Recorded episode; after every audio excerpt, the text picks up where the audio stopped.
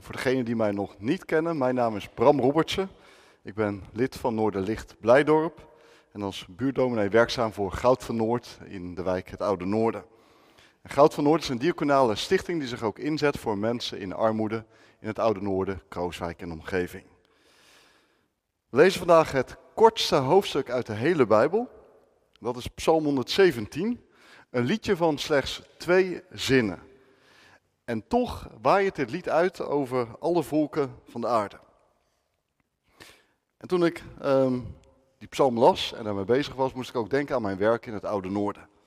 Op dit moment zijn we met een startteam druk bezig om pioniersplek Goud op zondag op te richten.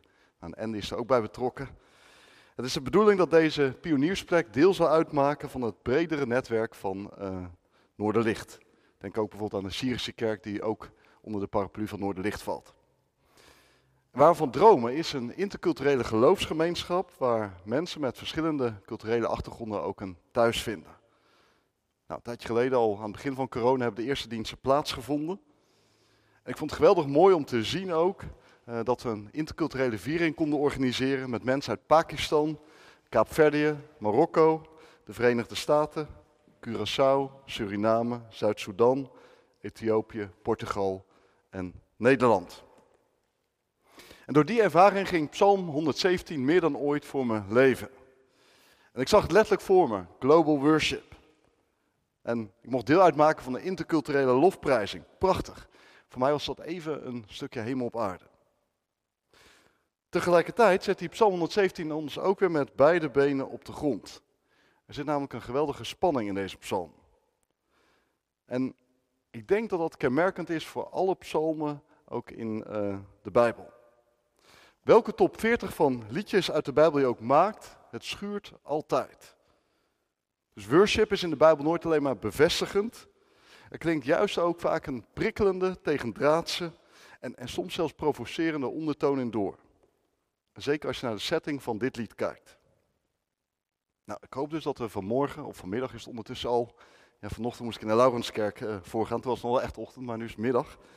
Uh, iets van dat prikkelende, tegendraadse ook op het spoor komen. En het zou geweldig zijn als dit lied ons helpt om de Heer ook te loven en te prijzen. Nou, we lezen met elkaar het kortste hoofdstuk uit de hele Bijbel, Psalm 117. Loof de Heer alle volken. Prijs Hem alle naties. Zijn liefde voor ons is overstelpend. Eeuwig duurt de trouw van de Heer. Halleluja. Lieve mensen in Christus verbonden. Psalm 117 plaatst ons aan het front van de spanningen tussen Israël en de Palestijnen. En het conflict leidde vorige maand in alle hevigheid op. Influencers op Instagram, Twitter en TikTok staken hun mening niet onder stoelen of banken. Snelle meningjes over de strijd tussen Israël en de Palestijnen helpen alleen niet mee om te bereiken wat beide partijen, althans de meeste van hen, willen bereiken. Leven in vrede, veiligheid en vrijheid. Het meest binnenlandse buitenland noemde Frans Timmermans Israël en de Palestijnse gebieden ooit. Op dat hele kleine stukje aarde woedt al tientallen jaren een conflict dat de hele wereld in zijn greep houdt. En we zagen dus ook de afgelopen maanden dat um, het vuur van de haat opnieuw oplaaide. Buren in oorlog. Honderden raketten die vlogen door de lucht, bommen maakten in één klap gebouwen met de grond gelijk. En influencers deelden op TikTok heftige filmpjes aan hun veelal jonge volgers. De NOS liet die beelden niet zien, maar kinderen kregen ze wel te zien. Nu was ik een aantal jaren geleden in Israël en toen hoorde ik de verhalen daar over dreiging en terreur. En ik sprak Joodse mensen die een aanslag hadden overleefd. Dat maakte diepe indruk op me. We waren daar um, in Palestijns gebied, op de Westbank. Um, en er was een hoteleigenaar die had letterlijk nog de scherven in zijn lijf omdat ze die niet konden verwijderen. Later hoorde ik de andere kant van het verhaal. Tijdens een reis door Libanon werd ik geconfronteerd met de pijn van Palestijnse christenen. En dat was nieuw voor me. Er is een hele groep Palestijnse christenen die nauwelijks in het nieuws is. En ik probeerde beide partijen, voor zover mogelijk, een heel, heel klein beetje te begrijpen. Maar wat ik merkte in ieder geval bij ehm, die Palestijnse christenen, dat hun woede zo diep zit, dat ze de naam Israël niet eens op de lippen nemen. Wat doen ze dan? Ze spreken over het land. Een neutraal begrip voor hen. En de God van Israël, dat is de God van hun vijand. En de theoloog daar die vertelde me dat het Oude Testament nauwelijks wordt gelezen. Waarom? Omdat het voortdurend over Israël gaat. En als men dan uit de psalmen zingt, dan wordt het woord Israël vervangen door het woord of door volk van God. Nou, de geweldige hoogspanning die in deze psalm zit, die is dus nog steeds actueel. Het knettert tot op de dag van vandaag tussen Israël en de volken. Ik moet denken aan de televisieserie Fauda op Netflix. Een uh, vrij heftige serie moet ik zeggen, maar in die serie gaat een gepensioneerde Israëlische topagent op zoek naar een Palestijnse strijder. En hij dacht dat hij dood was, maar dan blijkt hij nog springlevend. En ondanks de rake klappen die de Palestijnen uitdelen, is het duidelijk dat Israël de overmacht heeft. De, Palestijnen spelen de rol van underdog. Maar dat is eeuwenlang anders geweest.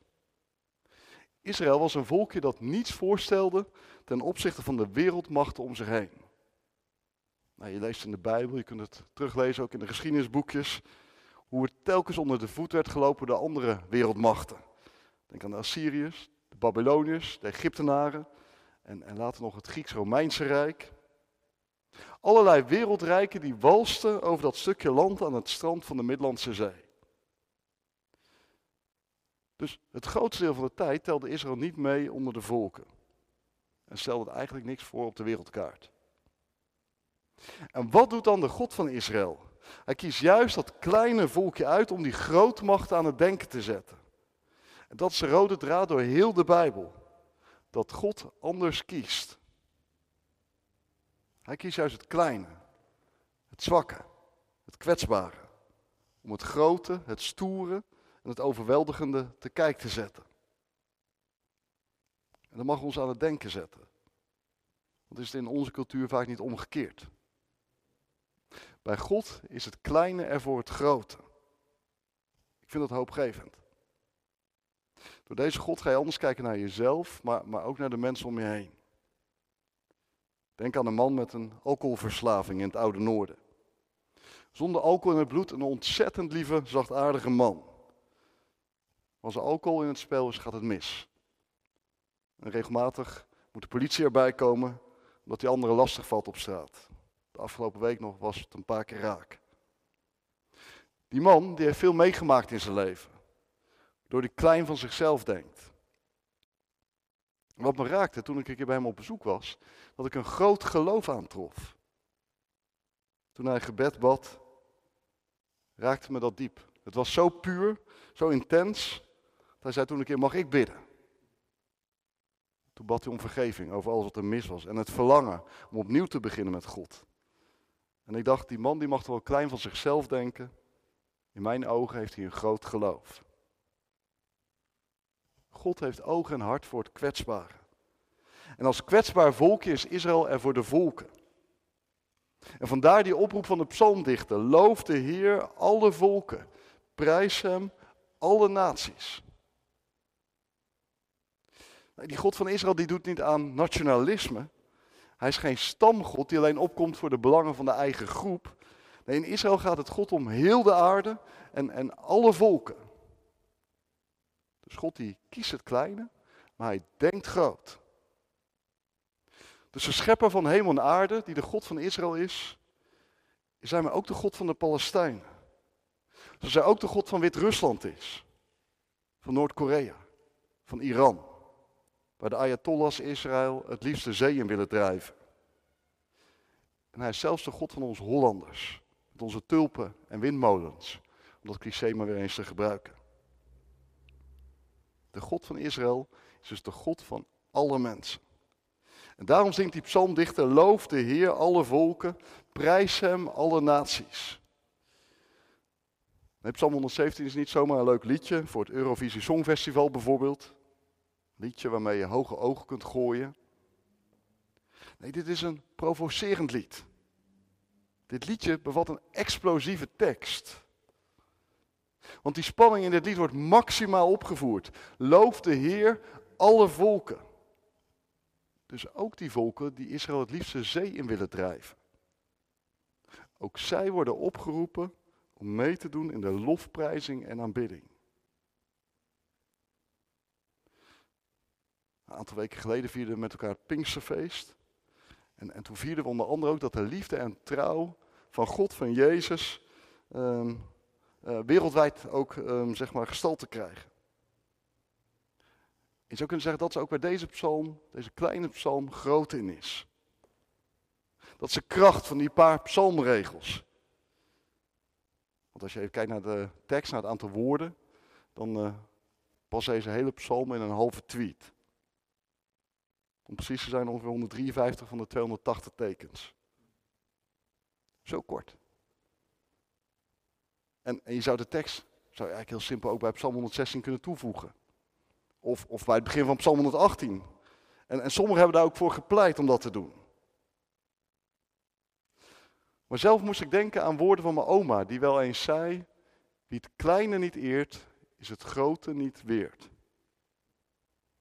Toen dacht ik, is gelijk in, want dat kleine, dat is Psalm 117. En dat grote, dat, dat is Psalm 119, de, de langste psalm van de Bijbel. En toch hebben we dit lied als een aparte psalm gekregen. Er zijn prachtige vertolkingen van, in vele talen, koorversies, denk ook aan Taizé, gospelsongs, worship. Dus blijkbaar is die psalm in de geschiedenis gaan leven, voor de kerk ook. Ja, trouwens ook op een andere manier. Want in het Westen, in Europa, is Psalm 117 ook gebruikt als zendingspsalm. En vanuit zendingsbijeenkomsten richten wij ons dan tot, tot uh, de zogenaamde heidenen in Verwegistan. En die heidenen die bevonden zich natuurlijk in bijvoorbeeld Afrika, het zendingsveld. Nou, goddank zien we het niet meer zo zwart-wit.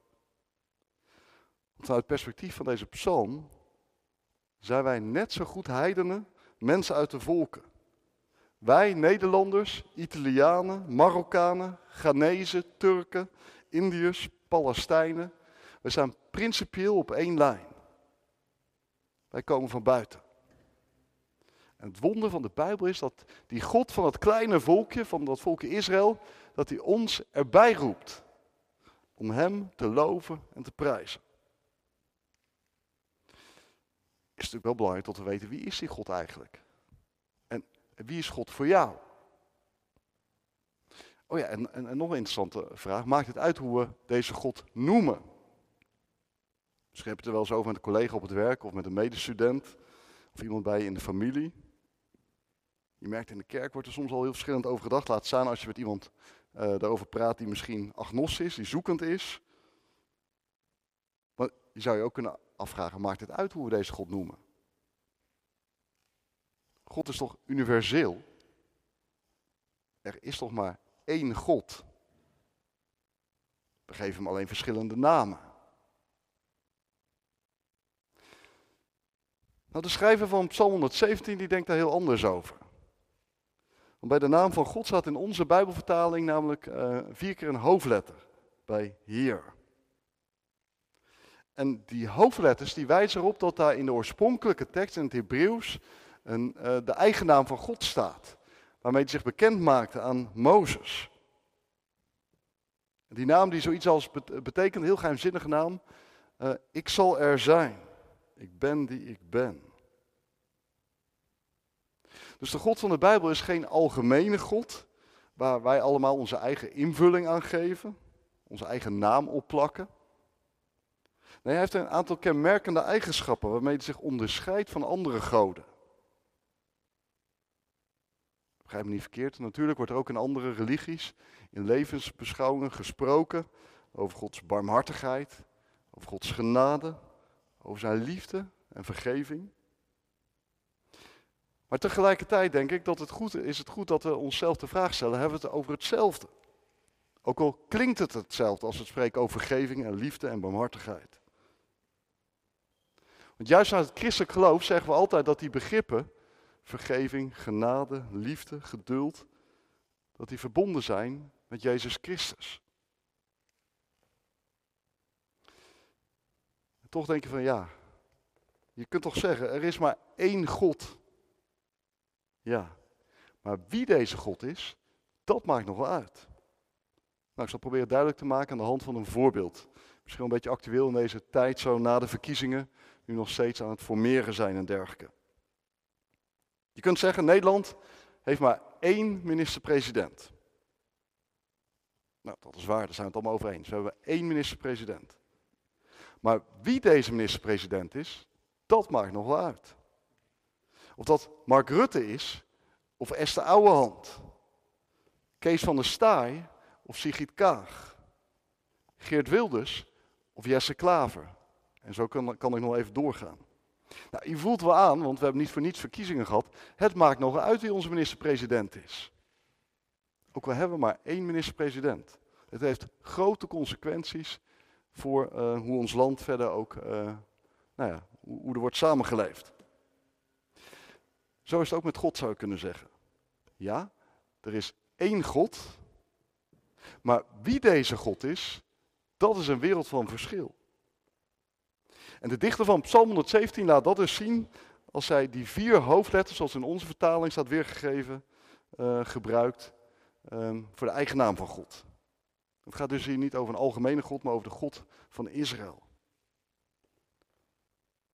Nou is de essentie van die hele psalm, die twee zinnen, um, misschien wel hierin gegeven. Loof de Heer, prijs hem. En ik denk, dat is het belangrijkste in het leven. En daarom vind ik het ook geweldig om uh, nu vanmorgen weer met elkaar te mogen zingen. Um, eindelijk na zoveel tijd dat we gewoon uh, weer met elkaar kunnen zingen. Omdat het daarom gaat in het leven. Daarom hebben we adem gekregen ook. Om deze God te aanbidden, Hem te loven en te prijzen met alles wat in ons is.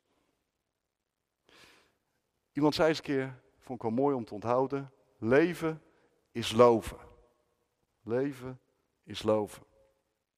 En als je niet looft, dan leef je niet echt. Nou, ik vond het voor mezelf wel uh, iets om te onthouden, om mee aan, aan de slag te gaan. Want als je niet looft, dan leef je dus niet echt, dan bereik je niet de juiste toonhoogte. En dan eindigt uiteindelijk alles in mineurstemming. Daarom leven is loven. En dat is niet alleen maar in het lied, dat is ook uh, in je hele manier van uh, zijn. In wat je zegt, in wat je doet. Alles um, komt daarin tot uitdrukking. Leven is loven. Loof de Heer. Prijs hem. Het staat hier trouwens in de gebiedende wijs. Loof. Prijs. Het geldt voor iedereen. Loof de Heer, alle volken. Prijs hem, alle naties. Ja, denk ik dan eventjes. Kan het niet wat minder? Ergens is er zo'n postmodern stemmetje in mijn hoofd die ik wel serieus wil nemen. Die zich afvraagt van, is het niet respectloos van deze liedjes schrijven om de hele wereldbevolking op te roepen zijn God te loven en te prijzen? Het is toch veel beter dat, dat je ieder zijn eigen God en, en zijn eigen geloof gunt. Voor je weet is er weer een nieuw religieus conflict. En daar hebben we al genoeg van gehad. En trouwens, ik houd er ook niet van als iemand anders mij gaat voorschrijven uh, wat ik op godsdienstig vlak moet geloven of wat ik moet doen. Daar hebben we, Pardon. Daar hebben we Nederland toch mee afgerekend. God? Waarom zou ik in God geloven? Dat is een goede vraag. Waarom zou ik in God geloven? Waarom zou ik in een God geloven die mensen tijdens deze pandemie laat stikken? En als God liefde is, waarom grijpt hij dan niet in bij de oorlog in bijvoorbeeld Jemen, die al jaren duurt? En moet ik de God uh, loven en prijzen die alles in mijn leven heeft afgepakt? Waarom zou ik? Nou, zulke vragen zijn heel invoelbaar. Waarom zou ik deze God loven en prijzen? Nou, laten we met elkaar nog eens kijken naar de setting van dit lied. Psalm 117 staat in het uh, rijtje van uh, psalmen 113 tot en met 118. En die psalmen die worden gezongen bij de Pesachmaaltijd. Dat is de maaltijd waarbij Israël stilstaat ook bij de bevrijding uit de slavernij van Egypte. En, en dat was het land waar ze dus ook echt jarenlang werden onderdrukt. En Jezus die, die zingt Psalm 117 bij het laatste avondmaal. Kort voordat hij wordt gearresteerd, gemarteld en gedood. En weer veel later, in de 20e eeuw bijvoorbeeld, midden in de Tweede Wereldoorlog, zongen Joden doodsbang voor de razzia's die zomaar konden plaatsvinden. Wat zongen ze dan rond Pesach? Psalm 117. Ik zie dat zo voor me, dat ze vanuit hun huizen of, of misschien wel schelkelders de soldaten buiten toezongen, loof de Heer alle volken, prijs hem alle naties. Ik denk aan een boekje wat ik thuis in de kast heb staan van de dichter Willem Barnard. Dat heeft de titel, gaat over de psalmen, Lofzang is geen luxe. Ik denk, een pakkende titel had deze dichter niet kunnen geven aan dat boekje over de psalmen. Want dat is nou juist typerend voor die geschiedenis van Israël. Dat daar juist op die grootste, of in die grootste crisismomenten ook Psalm 117 klinkt. Een lied vanuit de diepte. Een lied dat vaak in doodsangst is gezongen. En toch, toch is Israël dit liedje blijven zingen. Altijd weer, de eeuwen door, tot op de dag van vandaag. in het Nieuw Testament zien we dat apostel Paulus zingt. Hij zingt ook een loflied. Midden, terwijl hij ja, gevangen zit in een gevangenis. Terwijl hij zucht achter tralies. Terwijl hij vastgeketend zit. Looft en prijst zij de God van Israël, de Vader van Jezus Christus. En wereldwijd zijn ook nu duizenden volgelingen van Jezus die zuchten achter tralies. En die toch zingen. Soms klinkt er zomaar vanuit de cel een loflied. Soms nauwelijks hoorbaar, maar toch. De lofprijzing gaat door. Denk aan een Antilliaanse vrouw die ik ken. Ze heeft veel meegemaakt in haar leven. Soms is ze boos. Maar midden in dat alles blijft ze toch zeggen: God is goed. Ik denk dan, hoe kan dat? Wat is haar geheim? En waarom prijst die dichter van Psalm 117 zijn God aan bij de hele wereld? Want heeft hij niet genoeg reden om deze God vaarwel te zeggen? Wat is het geheim? Nou, de dichter die legt zijn kaarten op tafel als hij zich in zijn hart laat kijken. Hoor maar. Zijn liefde voor ons is overstelpend. Eeuwig duurt de trouw van de Heer. Dat is dus het geheim van deze lofprijs, van deze aanbidding. Boven alles uit gaat die liefde van de Heer. Hij is trouwer dan trouw. Oh ja, en Israël houdt het dicht bij zichzelf. De dichter zegt, Israël zegt, zijn liefde voor ons is overstelpend.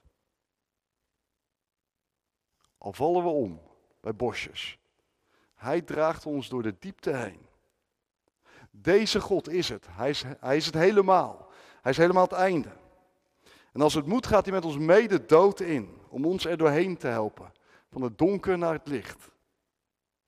Hij is er. Dat zegt zijn naam. Ik ben er. Altijd weer.